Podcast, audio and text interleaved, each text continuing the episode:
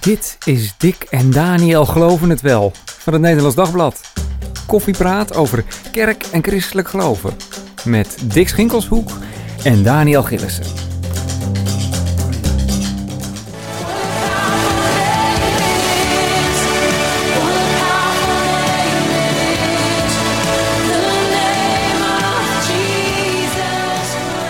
Ja, dit is uh, What a Beautiful Name. Een van de super populaire opwekkingsnummers waarmee de Australische megakerk Pinkstergemeente Hillsong vanaf 1983 al de wereld verovert. He, Hillsong gold tot voor kort als een van de successen van de evangelische wereld. Eigentijdse muziek, goed georganiseerde diensten, sterke organisatie. In Amerika vooral allerlei celebrities die er naar de kerk kwamen.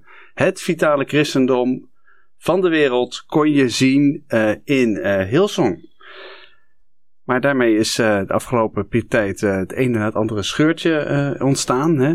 Ja. Maken we nou mee dat het grote kerkenimperium van Hillsong in elkaar aan het storten is? En wat zijn dan de alternatieven? Kom je daar nog wel bovenuit? Mijn naam is Dick Schinkelshoek. Ik zit hier met de onvermijdelijke allesweter Daniel Gielissen. Nou, nou, nou, nou. En de minstens zo erudite kunnen we wel zeggen uh, Marina de Haan. Hmm. Uh, Marina, jij volgt voor het Nederlands Dagblad uh, alles wat er in evangelisch Nederland en in de evangelische wereld gebeurt. Dat doe je op de voet. Klopt. Uh, je was een tijdje bezig hè, met, uh, met Hillsong, er verhalen over gemaakt en ook over allerlei misstanden die daar aan de hand waren. Maar ineens kwam er van alles in de, in de openbaarheid. begin even bij het begin, als je wil. waarmee begon het nou bij Hillsong te, te rommelen? Ja, Hillsong is dus een megakerk, gestart in Australië. En het laatste, de laatste maanden zijn de misstanden en de schandalen in een stroomversnelling naar buiten gekomen. En het begon ongeveer november 2000. 20. November 2020, toen werd Carl Lenz, een charismatische voorganger van Hillsong New York. Hij moest aftreden vanwege moreel falen. Ja, dat was die man die had altijd zo alsof zijn, zijn, zijn overheid half, half open, hè? Precies. Ja. Ja, die knappe Daar man. jij hem nog van, hè, Dick? Ja, dat, dat weet ik nog. Zou, zou jij ook eens kunnen proberen, Daniel? Ja, ik, ik ken heel alleen van Justin Bieber, zeg maar, weet je dat? Precies. Nou, Maar, hij eh, heeft ja. Justin Bieber gedoopt. Ja, ja, precies. Ehm, hij de werd de meer- van, van. Justin Bieber. Ja, hij Ja. werd echt een celebrity pastor. Eh, mensen kwamen naar New York om hem te zien. Ehm, hij was echt het einde. Hij heeft Hillsong internationaal op de kaart gezet. En toen bleek dat hij een affaire had, al vijf maanden.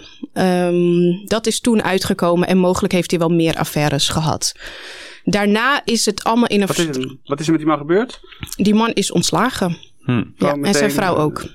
Ja, Dat, is- dat die hebben zich gek. teruggetrokken. Die hebben niks meer van zich laten horen. Tot op heden zijn ze stil. Oh Ik vraag me af hoe lang dat nog duurt. Maar trouwens. waarom is zijn vrouw ook ontslagen dan? Bedoelt, die had toch geen affaire? Klopt, maar zij zijn als stel eh, waren zij de voorgangers. Dus ehm, bij Hillsong is het vaak de man en de vrouw die samen in dienst zijn. Van en de dan moet je ook samen het veld ruimen. Precies. Nou, Carl, Carl Lentz dus. Daar begon het mee. eh, maar de afgelopen maanden, sinds begin januari, ehm, ja, zijn er heel veel schandalen naar boven gekomen. En dat begon. Ik heb even een tijdlijntje gemaakt, omdat er zoveel is gebeurd. Maar eind januari maakte Brian Houston. Hij heeft de kerk in Australië opgericht in 1983. Maakte hij bekend dat hij zich een jaar lang terug wilde trekken als Global Senior Pastor. Global Senior Pastor. Dat houdt dus in de- dat je al, die, baas eh, was dat, zeg al die kerken overal ter wereld in zo'n 27 landen overziet. Ja, de, de, de paus van Hillsong, zeg maar. Precies, hij trekt zich terug. Dat was al heel erg opmerkelijk. En hij zei dat dat was omdat hij zich wil focussen op de rechtszaak die tegen hem is aangespannen. Dus de politie in Australië heeft twee jaar onderzoek gedaan naar Brian Houston en het mogelijk opzettelijk verzwijgen van seksueel misbruik van zijn vader Frank Houston. Frank is inmiddels overleden. Die rechtszaak is aangespannen, Brian is aangeklaagd, dus hij trok zich terug van de kerk om zich helemaal daarop te focussen. Want hij zegt: Ik ben onschuldig. Klinkt Nou, als dat dat is een goede stap. Maar dat misbruik had even voor de helderheid, mm, of heeft niet in de kerk plaatsgevonden. Hè? Dat was voordat Hillsong toch... Klopt, dat heeft plaats voordat Hillsong Church eh, de naam bekend was. Het was volgens mij in een Hills Christian Life Center. Oké, precies. Dus voor die tijd. Maar hij zou het verzwegen hebben. Dat hij was zou het. ervan gehoord hebben en het verzwegen hebben. En hij zegt: Nee, dat is niet waar. Ik Ja. ben onschuldig. Nou, Goed. klink, klinkt nog als iets dat met een sisser zou, zou kunnen aflopen. Precies. Totdat dus half maart eh, hij zelf beschuldigd werd van seksueel wangedrag. Hmm.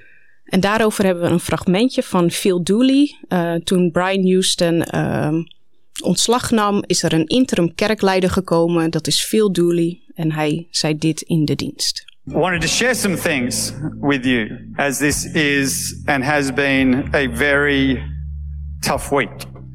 I thought last week was a tough week. We've had another one and even tougher, I'm sure, uh, for all of us. Uh, and here is what I shared and what we Hier gaat hij dus aan de kerk in Sydney vertellen dat er twee voorvallen zijn geweest waarin Brian Houston seksueel overschrijdend gedrag heeft vertoond.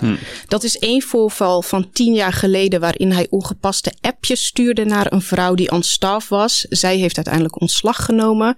En een voorval uit 2019. Hillsong heeft jaarlijks conferenties en tijdens een van die conferenties in de foyer na zo'n lange dag waren ze met een groepje nog wat aan het drinken. En er was ook een vrouw bij die niet on staff was.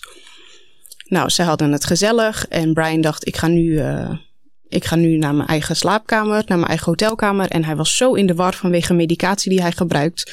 Dus hij klopte niet op de deur van zijn vrouw, van zijn vrouw Bobby, maar op de deur van deze mevrouw die bij dat eh, gezelligheidsgebeuren aanwezig was. En hij bleef daar 40 minuten.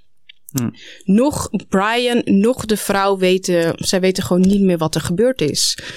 Zeggen ze. Ehm, zeggen ze. Een heel opmerkelijk verhaal. Hmm. Want door die medicijnen, ja, ja, precies. Oké. Was hij een beetje in de war en heeft hij op de Dat verkeerde... is zijn, eh, zijn verhaal. Ja, Ja. Precies. Ja.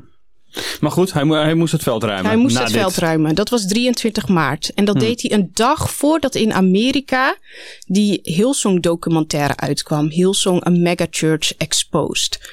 En in die docu, daar zijn echt al deze schandalen en misstanden in drie afleveringen van een uur achter elkaar gezet.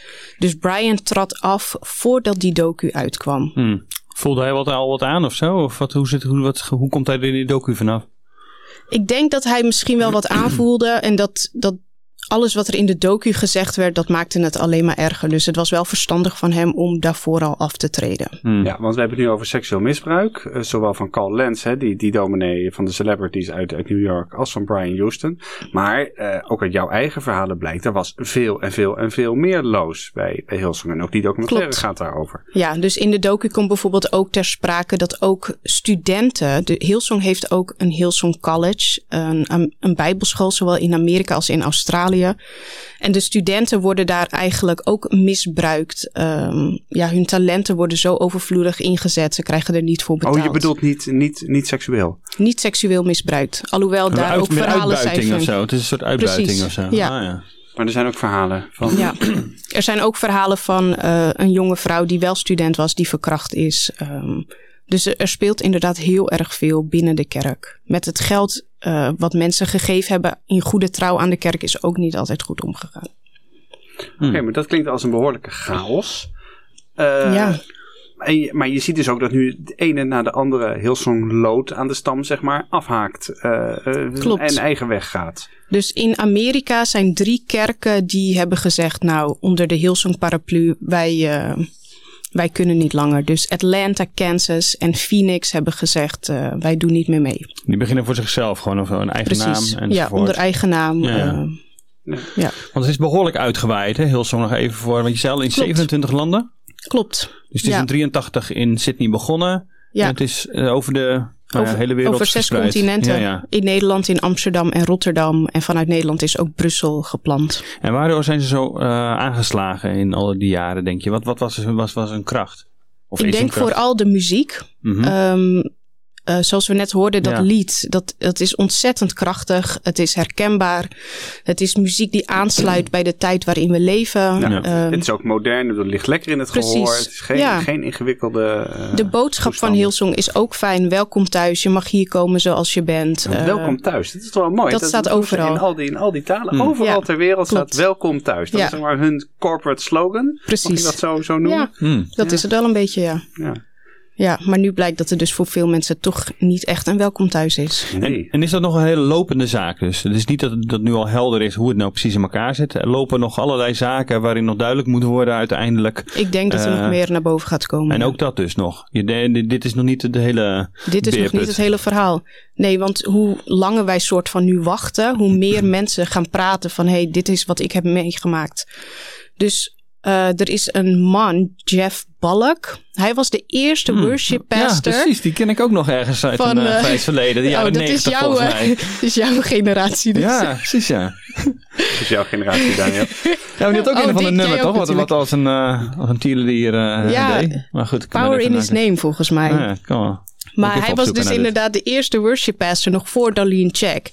En hij heeft onlangs naar buiten gebracht dat Brian Houston wel degelijk wist van het eh, misbruik Hmm. van zijn vader. En als dat zo is, dan kan het nog helemaal verkeerd aflopen.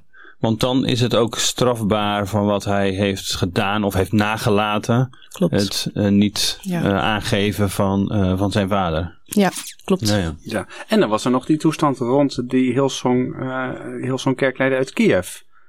Klopt. Dus uit de documentaire kwam wat, me- wat ik het meest opmerkelijk vond, was hoe de voorgangers van Hillsong Kiev en Moskou zijn behandeld. Dat zijn niet de voorgangers die nu eh, daar zitten. Maar zij waren aan het begin eh, zo'n tien jaar de voorgangers. Vera en Zenja Kazevic, als ik hun naam goed uitspreek. Mhm. En zij eh, waren destijds met de stille trom verdwenen. Niemand wist waar ze was. Totdat zij nu hun mond he- open hebben gedaan in die docu en gezegd hebben: ja, wij, wij zagen al dat Carl Lens eh, bepaald gedrag vertoonde. Daar hebben we Brian Houston, eh, we hebben hem gewaarschuwd. Hij wilde er niks van weten en eh, hij heeft hen eigenlijk een beetje de laan uitgewerkt. Mm. En Brian heeft hen ook bedreigd, gezegd: ik zal jullie leven kleineren. en ja, dus Ja, eh, met zo. bedreigingen en bedrog. Eh, En he- heeft dat effect nu, ja jij noemde net al een paar eh, gemeenten in Amerika die zeggen nou, uh, Toodaloo Hillsong, uh, wij gaan voor onszelf beginnen. Zie je ook al dat het effect heeft op uh, ja, kerkleden die de kerk dan de rug toekeren, die ergens anders naartoe gaan, die misschien wel uh, de deur even voor de kerk helemaal dichtgooien? Wat zie je ja, het zou kunnen dat inderdaad nu minder, dat er iets minder mensen naar de kerk Hmm. gaan. Maar ik denk bijvoorbeeld voor een kerk zoals in Amsterdam, Mhm. daar draait het allemaal gewoon door. Omdat Ja, er veel ver weg gebeurt. Zij hebben misschien Ja. iets minder met de wereldwijde leiders. Zij kijken meer naar hun lokale leiders. Ja. En dat loopt allemaal zoals het altijd loopt. Ja, ja, dus kerken die wat meer uh, van, van die grote Hillsongboom, die wat meer zelfstandig zijn, die hebben daar misschien niet direct uh, nee, last waarschijnlijk niet. van. Hm. Nee, dus het ligt niet in de reden dat uh, Hillsong Amsterdam zich morgen ook afscheidt van de, van de Nee, grote, ik verwacht het niet. Familie. Ja. Maar het is nogal wat wat je vertelt. Hè? Ik bedoel, Ja. Het is uh, bedreigingen, misbruik, uitbuiting, gerommel met geld. Ja.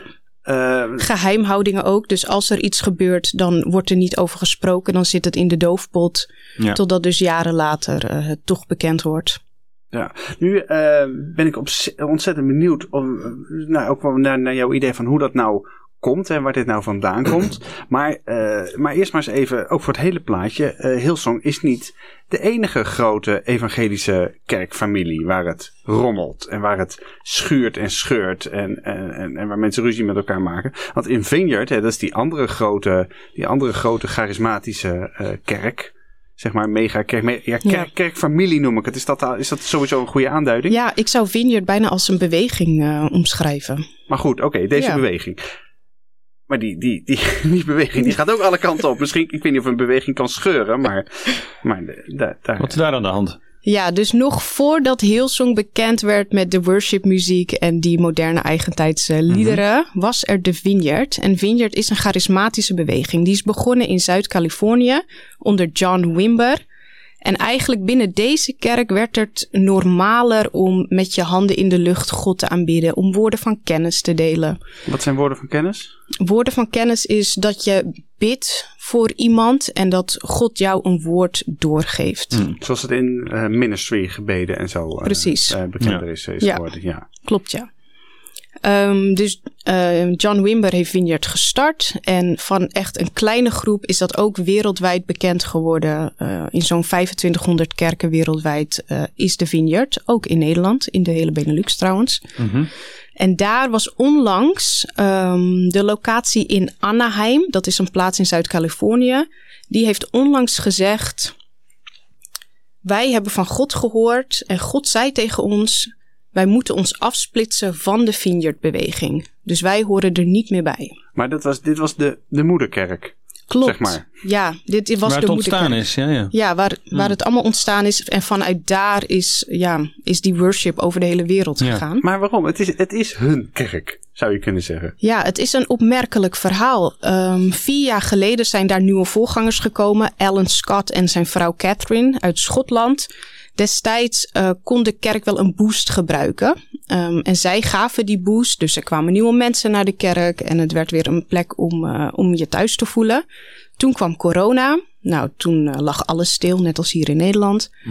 En in die periode hebben zij het bestuur veranderd. Ehm, dus mensen, ze hebben eigenlijk iedereen die erin zat voor, daarvoor eruit gewerkt waarschijnlijk. En vrienden en bekenden van hen in het bestuur gezet. En toen hebben zij begin januari gezegd, eh, ja, God zegt tegen ons, we moeten ons afsplitsen. Supergoed argument. Toch, Dick? Echt overtuigend. Nou ja, Daar kan je niks in- tegen inbrengen, toch? ik- Precies, dat is het hele probleem. Dick, wat een Want- even want stil. even, ja, Ja. ik val echt even stil. Want even, even, even kijken of ik, of ik het goed begrijp. Zij zeggen dus, eh, ze hebben, die kerk heeft een, hele be- heeft een wereldwijde beweging opgebouwd. Eh, er komen nieuwe leiders in die kerk, nieuwe leiders die zeggen, eh, nou, wij, wij kijken hier toch tegen bepaalde dingen misschien wat, wat anders aan. In elk Mhm. geval hebben we, gaan, willen wij een eigen koers. En dus zeggen we, God heeft tegen ons gezegd, ja, ja oké, het gaat de Ja. andere kant op. Ik moet eerlijk zeggen, ja, ik, ik val inderdaad even stil. Omdat ik dan denk, oké, ten eerste, eh, hoe weet je, oh, hoe, nou, hoe weet je zeker dat dat God is die, die dat tegen je zegt? Ehm, maar ook, waarom, waarom zou je het in vredesnaam doen? Klopt. Ja, en ik, ik had gelezen een Amerikaanse wetenschapper, haar naam is mij even ontschoten. Maar zij zei inderdaad ehm, dat vaak mensen zeggen, als, als ze zeggen God zei tegen mij, dan zeggen ze eigenlijk dit is wat ik wil. En ze gebruiken God om dat te rechtvaardigen. Whitewasher. Ja, Maar Ja, ja, ja. wat, is, wat is nieuw in de, in de geschiedenis van de kerk, zou je, Ja, zou je kunnen ja, zeggen. Maar dan snap ik nog steeds niet waar, wat, wat, wat, wat hun belang zou kunnen zijn dan. Nou, ik denk dat het belang misschien deels geestelijk is, juist omdat die moederkerk zo'n bijzondere status heeft binnen de Vineyardkerken. Maar het, de, de panden of het gebouw waar ze in kerken is schijnbaar ook miljoenen waard. Dus het heeft, denk deels met macht te maken, omdat ze denken dat ze veel macht kunnen pakken. Maar het heeft waarschijnlijk ook met geld te maken, want ze verdienen er veel geld aan als ze niet meer bij de Vineyard zitten. Hmm. Ik vind het toch, het, het blijft een beetje klinken alsof het Vaticaan zich afscheidt van de Rooms-Katholieke kerk.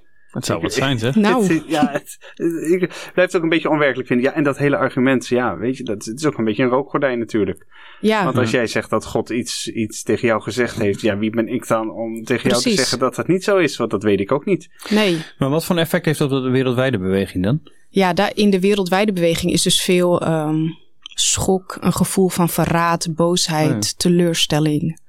Ehm, ja, ik denk dat dat heel diep gaat. Ik denk dat veel mensen ook in de war zijn van, huh, wat gebeurt hier nou? Maar daar zijn, maar even voor de goede orde, bij Vineyard gaat het niet om misstanden, misbruik, bedreigingen en zo. Niks. Niet, niet dat verhaal wat je Nee, van, eh, van... Nee, het gaat over de moederkerk, die wil voor zichzelf, die wil niet meer bij die beweging horen. precies. En dat heeft effect vanwege vooral de positie die die gemeente had. Ja. Eh, Ja, dat ze de nu symbolische zich losmaken positie. daarvan. Ja, precies. ja, formeel gezien is het gewoon één kerk in Amerika die uittreedt. Ja, Maar symbolisch eh, en geestelijk heeft het veel meer eh ja. effect. Maar goed, uiteindelijk hoeft het voor de hele beweging niet zo gek veel uit te maken, behalve dat ze die schok even moeten verwerken. Maar Ja. zou je kunnen zeggen, oké, Ja. ze kunnen Precies. hiermee dealen. Ja, dat zou kunnen. Ja, ja. Is goed. Ja. Dat was eh, heel Song en Vineyard. Vineyard, ja, wat het. Next one. Nou, eh, je gaat, zo ga je inderdaad wel bijna denken. Ja. Van, wat, Ja, we wat- koppelen wat- natuurlijk een aantal dingen in, binnen de evangelische beweging aan elkaar. Hè? Een aantal... Terwijl het ook in veel kerken wel goed gaat natuurlijk. Nou ja, misschien moet je, dat, moet je dat even zeggen voordat we naar ons laatste voorbeeld gaan. Ja. Eh, In veel evangelische kerken gaat het wel goed. Eh, zitten mensen op hun plek? Is er geen misbruik van leiderschap of seksueel misbruik? Ehm, nee, het is goed Ja. dat je dat even zegt. Dus ook, misschien is het ook wel goed om gewoon even te zeggen dat wij als journalisten eh, natuurlijk dit soort nieuws eh, volgen, daarover schrijven. Dat we er helemaal niet eh, van, eh, van smullen. nee, dat zeker we het niet. eigenlijk vreselijke verhalen eh, Ja. vinden. Zeker, nou zeker, ik, zeg alles wat je over Hillsong vertelt. Ik vind dat toch ook wel weer, wel weer schokkend. Want het Ja. gebeurt ook wel allemaal in de naam van de Heer. Precies. Precies. Ja. Ehm, maar inderdaad, het is natuurlijk net als je op een gegeven moment, op een gegeven moment denkt van, nou, bedoel, is iedere, is iedere priester in de katholieke kerk dan, uh, dan een misbruiker? Nee, nee, Nee. Gelukkig natuurlijk niet. Gelukkig niet. En dat is ook helemaal niet aan de orde. Dus dat geldt natuurlijk hier, uh, hier net zo goed. Ja. Maar goed, ja, ook in Nederland uh, is, er, is er gedoe. Klopt, ja. Het rommelt uh, binnen de VEZ in Zwolle. Um, dat is een grote evangelische kerk. Een groeiende kerk ook, 5000 leden nu. En zelfstandige kerk, hè? Die een zelfstandige niet ergens kerk. anders bij. Klopt. Um, en zij hebben volgens mij ook niet de ambitie om verder te groeien het land in. Zij zijn echt Nee. voor Zwolle en omgeving. Ja. En um, binnen twee weken zijn daar twee kerkleiders opgestapt. Dus de VEZ heeft één leiderschapsteam en dat team bestaat weer uit twee teams. Aan de ene kant de Raad van Opzieners, een soort oudste raad. En aan de andere kant een team van pastors met nu nog vier voorgangers. Mm -hmm. En beide teams hebben een voorzitter. En die voorzitters van beide teams die zijn nu kort na elkaar opgestapt. Ja. Um, daarvoor, daarover komt een verhaal in onze krant. Ik heb gebeld met de Raad van Opzieners van... hé, hey, wat is er aan de hand? En zij geven aan... in het hele bestuurlijke orgaan zijn spanningen ontstaan. Dus binnen en tussen deze twee teams zijn spanningen ontstaan. Dat gaat over communicatie, verantwoordelijkheden, taken, structuur. Eigenlijk alles hoe je de kerk runt. En juist nu, op het heetst van de storm... gaan die twee voorzitters uh, gaan weg. Die gaan weg, jongen. Want even die, die kerk, die kan ik kennen. Ik, bedoel, ik denk dan meteen aan Henk, Henk Storvogel. Ja, Henk uh, was een van de voorgangers. Uh, want de VES heeft meervoudig leiderschap. Dus er zijn altijd meerdere mm -hmm. voorgangers geweest. Henk Storvogel was een van die voorgangers. Ja, precies. Die man die kunnen we kennen van uh, de Vierde Musketier. Ja. Dus wij mannen kennen Tuurlijk. Henk Storvogel van de Vierde Musketier.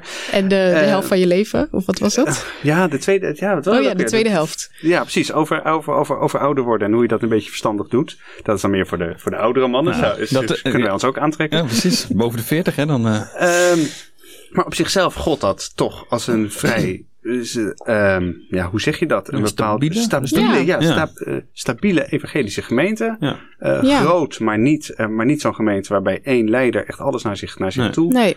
trekt. Maar, ook maar dat... ik krijg nu wel de indruk dat het al wat langer rommelt. Want een, er is een herstelproces in gang gezet. En dat is al maanden geleden in gang gezet. Mm. Dus ik denk dat dit niet iets is van een paar maanden, maar misschien wel van jaren al. Maar je hebt er nog niet helemaal de vinger achter kunnen krijgen, dus wat daar exact speelt. Klopt. Omdat ze er niet helemaal open over zijn. Nee, zij, zij houden het bij dit verhaal. Ja.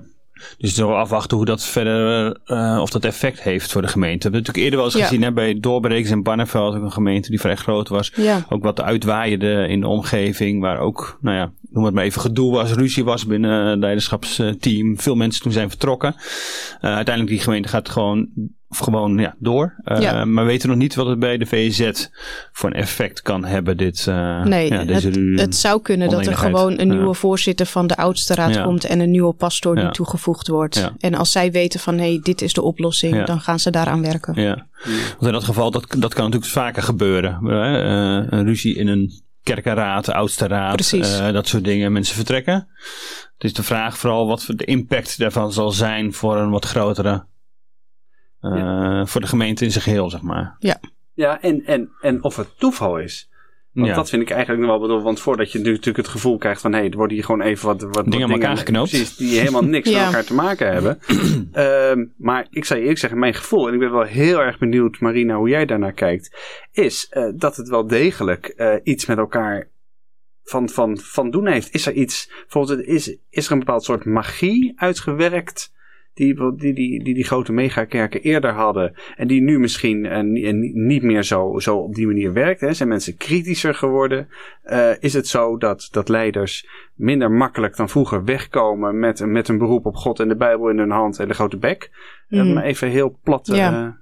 te Ik vraag me af of het één ding is op dit moment, omdat dit inderdaad wel drie hele verschillende verhalen zijn. En ik heb nagedacht, is, zit er een soort van trend in? Ja. Um, en het enige dat ik kan bedenken dat het dan met macht te maken heeft. Hmm. Dus in Hillsong zijn er natuurlijk voorgangers die graag aan de macht willen blijven. Misschien is dat bij Vineyard ook het geval dat ze daarom zich willen afsplitsen. En bij de VEZ Zwolle zou het ook met macht te maken kunnen hebben. Twee voorzitters die bijna tegelijkertijd weggaan, terwijl je nu eigenlijk uh, de kerk zou moeten aansturen. Wat zit erachter? Ja, Ehm, dus of het, ik denk niet dat het per se te maken heeft met megakerken. Ik denk dat megakerken prima zouden kunnen functioneren. Maar macht, ik bedoel, een, een, een megakerk is een heel erg mooie plek als je en een voorganger bent en je houdt van macht. Ik bedoel, dan Klopt. is een megakerk. Ja, wat, wat kun je dan nog beter hebben? Ja, dat is ideaal. Wat kun je dan nog beter hebben dan een, dan een megakerk? En je ziet ook in de samenleving ook dat de laatste jaren, we zijn ontzettend wantrouwend geworden tegenover macht. We willen Ja. macht controleren. We, we koppelen macht eh, snel aan, aan misbruik. En dat is helemaal niet ten onrechte. Ik bedoel, dat blijkt ook nog meer uit de verhalen die jij vertelt. Dus eh, in die zin zou je natuurlijk wel kunnen zeggen dat er een soort, dat er een soort doorgaande, doorgaande lijn is. Een trend waarin we denk minder dan vroeger geneigd zijn om het allemaal te nemen. Eh, Ja, en dat zou mensen op hun woord te geloven. eh, Ja. Ook, wat is het, mannen, is het geestelijke leiders, zeg maar, een, soort van ruimte en dus ook een soort van krediet te geven. Die ze Ja. vroeger misschien wel hadden. Wat in elk geval natuurlijk bij megakerken in veel gevallen, zeker in de beginjaren als wel speelde, is, is de charismatische leider. Hmm. Degene die het voortouw neemt, de Brian Houston van Hillsong, die, Ja. eh, eh, de, de, de Carl, eh, moest Carl Lentz, ja. Carl Lentz, die eh, moest ophoepelen. Dit, charismatische mensen eh, die het voortouw nemen, die daarin bejubeld worden. En dan de vraag altijd is van, word je voldoende, nou ja, eh, begrensd of zo? En is Ja. die macht eh, gedeeld en al dat soort dingen. Wat zie jij in megakerken? Hoe zijn die, hoe hebben die een organisatie tegenwoordig meestal voor elkaar? Wat is, Ja, wat is de nou je hebt dus de lijn? kerken zoals Hillsong, Ja. waar één persoon aan het roer is en eh, die Ja. bepaalt de koers. Ja, En je hebt megakerken waar bewust ingezet wordt op meervoudig leiderschap. Ehm, en ik denk dat dat wel een positieve ontwikkeling is, want daarmee houden leiders elkaar scherp. En wat jij net ook zei, Dick, dan is er niet één persoon die de macht kan pakken. Ehm, want dan doe je het samen. En ik Ja. denk dat dat belangrijk is, omdat ehm, anders loopt het helemaal verkeerd af. ja. Want macht doet iets geks met, eh, met mensen. En Ja. Maar dat is bij de VZ bijvoorbeeld dus wel. Er is een meervoudig leiderschap dan, als ik je hoorde. Bij ook een eh megakerk in Nederland, Mozaïek, eh, heb je dat ook. ja. Ehm, bij doorbrekers was dat denk ik minder. Ook in eerste instantie juist vooral eh, nou ja, een, een leiderschapsechtpaar wat de Ja, boel klopt. runde. Ehm, is men even zelf zeg maar tot zo tot de conclusie gekomen van het is beter om dat te delen en niet bij één persoon neer te leggen. Allebei is dat lastig natuurlijk. Degene Ja. die, die, het, die het begint, die is toch een soort de baas. Ja, precies. ja, of je het wilt er niet afstaan. Precies, ja. Ja. Al, al is het maar informeel. Ja, Alleen, ik bedoel, eh, iemand als Brian, Brian Houston, ik bedoel, die, die, eh, formeel waren, waren er natuurlijk allerlei andere eh, pas, Hmm. pastors die ook gewoon hun, zeggen, hun zegje konden doen. ja. nou, maar niet de Global Senior Pastor. Ik vind het wel een enorme mooie, de mooie label hoor. Ja, dat is de CEO gewoon van. Ja. Misschien zou- inderdaad. Zou, zou Paus- Paus Franciscus hem ook kunnen, kunnen overwegen. Eh, Ja. Maar eigenlijk vind ik het toch wel gek. Even, eh, als je het gewoon even historisch bekijkt, even iets uitzoomt. Als je dan bedenkt hoe met name die, nou, die hele, dat wordt dan de, de congregationalistische stroming genoemd, hè, die vanaf de 16e eeuw opkomt. Die zegt van, nee, maar plaatselijke gemeenten moeten plaatselijk zijn. Eh, heel erg vanuit verzet tegen die grote hiërarchie van, eh, van, Rome. de, van de Rome, van de Ja. katholieke kerk. Hè, want zo willen we dat niet meer doen. We, zullen, we zijn plat.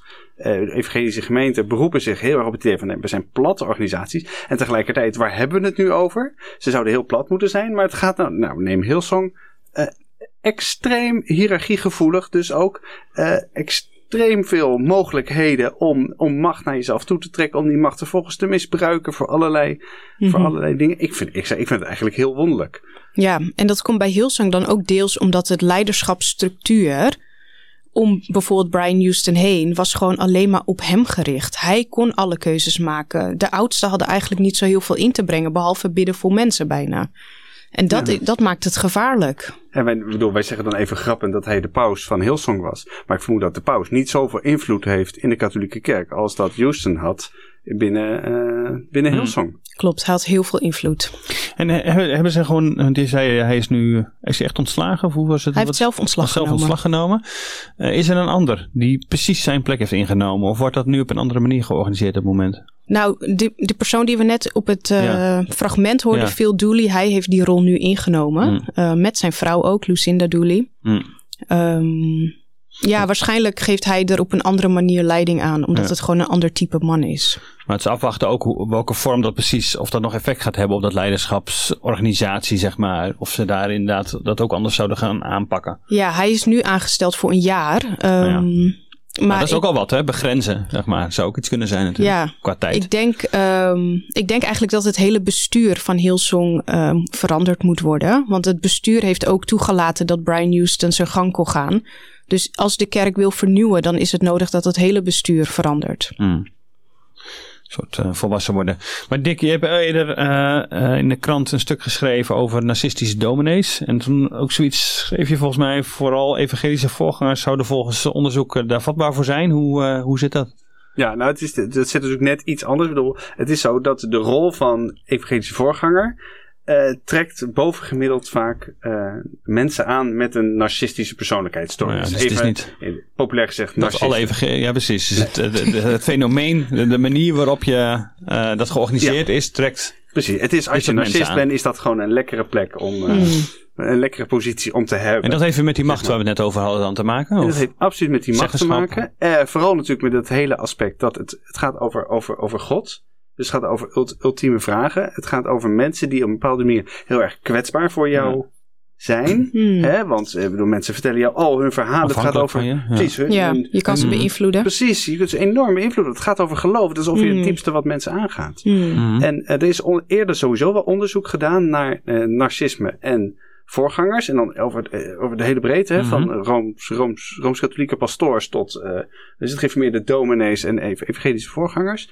En ja, dan blijkt dat bovengemiddeld vaak daar narcisten tussen zitten. Gewoon überhaupt onder de voorgangers al. Dus ja, überhaupt onder En de, de, voorgangers. narcisten zijn ook gewoon vaak charismatische mannen ook. Precies, Mhm. vaak, vaak, vaak mannen, Ja. charismatisch. En dat met name die, die evangelische eh kerk, kerkstructuur, zeg maar, die, die Mhm. manier waarop dat georganiseerd is. Ja. Ja, die is toch wat minder, die heeft toch wat, wat, wat minder checks en balances en zo. Nog wat minder uitlaten. Wat is het? eh, Je wordt niet zo controlekleppen. precies accountable gehouden. Ja. Je kan met Eh, je gang gaan. Je kunt veel meer je gang gaan. Dan bijvoorbeeld een hele, een, een wat, een wat saaie protestantse kerk met alle, alle regels en alle, Mhm. eh, en alle toestanden, alle commissies, alle schijven. eh. en eh, ik bedoel, ik weet, niet, ik weet even niet of er ook onderzoek naar is gedaan of er meer evangelische voorgangers narcistisch zijn dan eh eh, geef, geef me de dominees of katholieke pastores. Hmm. Dat, dat, weet ik niet. Maar het is wel uit onderzoek gebleken dat ze daar veel meer schade kunnen aanrichten in evangelische gemeenten. Oh ja. Ja, ze Ja. gedijen goed in die omgeving. ja, omdat ze die ruimte dan ook hebben. Ja, en ik denk ook binnen even, eh, zeker binnen Hillsong, ehm er is heel veel loyaliteit naar voorgangers. Ehm, en Hmm. dat, dat zorgt ook weer voor die afhankelijkheid. Ehm, Ja. Dus mensen doen wat de voorganger zegt, die vinden de voorganger helemaal fantastisch. Dat, en een narcist wil graag geadoreerd worden. Ja, maar dat is natuurlijk precies weer het punt wat natuurlijk trekt. Omdat een, eh, een, voor een deel dit soort evangelische gemeenten, die dan door, die, door een charismatisch persoon zijn begonnen, ook groot worden door die persoon. Ja, En dus het is ook een soort het is een wisselwerking. versterkend iets natuurlijk. Klopt, ja. Eh, waardoor je wel, wel, logisch is dat mensen ja, diegene eh, adoreren. En vervolgens, nou ja, het wordt alleen om die daar misschien wel erger van. Maar dus blijkt het belangrijk om iets te organiseren, zodat ook die, als je een charismatische persoonlijkheid hebt, maar niet in je eentje alle touwtjes in handen krijgt. Klopt. Ja, ja, waardoor daarvoor moet je misschien niet- zomaar ja. saaier, saaier wordt. En Ja, Ja. precies. En minder snel, minder Ja, bij kortere lijntjes sturen, verdwijnen. zeg maar. Ja, klopt. precies. Dus ook de, de, het snel Ja. aanhaken bij actuele ontwikkelingen, dat soort dingen is weer minder makkelijk natuurlijk als je met een heel eh, platform van, van, van tien mensen moet gaan overleggen. Dan, ja, eh, maar ik denk dat het uiteindelijk wel een voordeel heeft eh, om het op die manier aan te Mhm. pakken in plaats van met een eh charismatisch één persoon aan het roer. want, Omdat je dus nu bij Hillsong heel duidelijk Ja. ziet, dit is hoe het goed fout kan gaan. ja, En dat- kan ontsporen, gewoon makkelijker ontsporen als je met Precies. één eh, charismatisch persoon en dan gaat die beerput open en voor je het Ja. weet eh, heb je dit. Ik noemde net helemaal aan het begin hè, eh, van deze podcast, noemde ik Hillsong een voorbeeld van vitaal 21ste eeuws christendom. Zo zag het er echt, in, nou, laten we zeggen aan de buitenkant, althans eh, wel, eh, wel, wel, wel uit. Ja, Dan vraag ik me natuurlijk ook af, ja, wat is het alternatief dan? Eh, ik roep maar even in herinnering. Hè. In 2004 had je die beroemde voorspelling van de, van de Britse the- theoloog Alistair McGrath. Die zei dat het westerse christendom hè, zeg maar in de toekomst uit ongeveer twee smaken zou, zou bestaan. Je hebt dan de, kat- de katholieke stroming. Zeg, mensen zouden, even heel grofweg gezegd, ze zouden katholiek zijn of ze zouden evangelisch zijn. En het mainstream protestants of gereformeerd of zo. Daar zag hij niet echt ruimte meer voor. En nu zie ik die trends, die zie ik allebei. Zeg maar. Ik zie een soort katholiserende trek, zeg maar. Dat mensen eh, uit, uit zeg maar, die gereformeerde protestantse kring aan de ene kant de katholieke kerk steeds interessanter gaan Mhm. vinden. Mhm. En aan de andere kant zie je natuurlijk heel duidelijk die, evangelise- die evangelicaliserende eh, eh, eh, trend. Ja. Dat mensen steeds, steeds evangelischer worden. Dus dat die protestantse, eh, misschien, die, die, dat pro- protestantse deel wordt inderdaad minder. Eh, ja, dus eh, in, in, in ieder geval valt, valt minder op. Eh, als je dan ziet hoe, met hoeveel problemen eigenlijk vo- vooral die hele aantrekkelijke evangelische wereld te maken heeft, neem Hillsong, dan, dat moet eerlijk zeggen, daar, word- ik word- ik word daar wel een beetje bezorgd van. Hmm. In ieder geval, kunnen ze over die crisis heen komen? Wat is het alternatief? Eh, is dat inderdaad van zo'n meervoudig leiderschap waarvan ik dan meteen denk als, eh als, eh, als gereformeerd jongetje. Van ja, dat gaat inderdaad wel heel erg lijken op wat wij ooit allemaal met synodes en zo en, en, en controlesystemen en zo Kerkenraden. hebben, en kerkenraden hebben, hebben, hebben opgetuigd. Ik ben ook wel benieuwd, eh Marina, hoe jij daarnaar kijkt. Is dat, eh, Ja, ik denk, ehm, ik denk sowieso voor grote megakerken dat het belangrijk is dat ze, dat ze ook op, in een bepaald opzicht klein blijven. Dus dat je wel, dat je misschien wat meer focust op huisgroepen of connectgroepen. Ik denk dat dat sowieso heel belangrijk is. Dat je niet verdwijnt in de massa. Ja, en dat alles dus ook op die manier, want daar heb je dus ook leiders, heb je structuren, dan krijgen we het veel meer gelaagd. Ja. Daarmee, en dus ook veel beter te controleren misschien.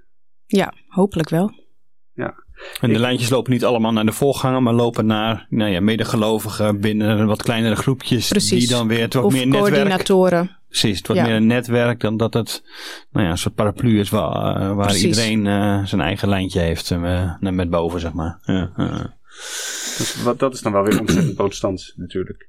Iedereen zijn eigen lijntje, Lijntje met naar boven. Ja, precies. precies. Niemand ertussen. Ja, Ja. exact. Ja. Maar we gaan het meemaken, Marina. Jij, Ja. gaat, jij, jij volgt dit voor ons, jij blijft dit voor ons eh, Zeker. volgen. Wat gebeurt er precies eh, nou, in die hele evangelische wereld met al die verschillende kerkfamilies, megakerken, eh kringen, bewegingen. Ja, Eh, nou, dus- je kunt er alles over lezen. Tips en gedachten en, eh, en, en dingen die je hoort kunnen dus ook naar eh, Marina gestuurd Ja, worden laat het natuurlijk. hè? vooral weten. Ja, dat kan eh, rechtstreeks, bedoel, eh, naar... eh, het Naar is- dehaan.nd.nl. Zeker, je mag Marina dag en nacht mailen. Zeker, Eh, ik antwoord niet eh, meteen als het Ja. s'nachts is. Je antwoordt niet dag en nacht. Ehm, sowieso, dankjewel voor het luisteren. Eh, vergeet niet eh, je, je vrienden, bekende familie, buren, klasgenoten, collega's en mensen met wie je in de rij staat bij de supermarkt op deze podcast te wijzen als je hem leuk vindt. Precies, je oortjes in en dan... eh, hey, dit Ja, is, eh, amen.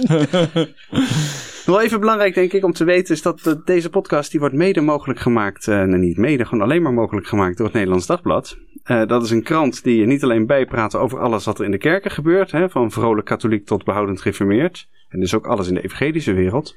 Maar die je ook helpt om het wereldnieuws te zien in een christelijk licht. Word je daar nou nieuwsgierig naar? Kijk dan eens op nd.nl of overweeg eens lid te worden. En dat kan via nd.nl slash abonnement. Volgende week gaan we het hebben over de in 2019 overleden christelijke zangeres Kinga Ban. Met haar biograaf Johan Bakker, die is dan bij ons te gast. Dan gaan we het ook hebben over het succes van de, de band en de muziekgroep Sela. Dus dan weer luisteren. En voor nu, tot ziens. Doei.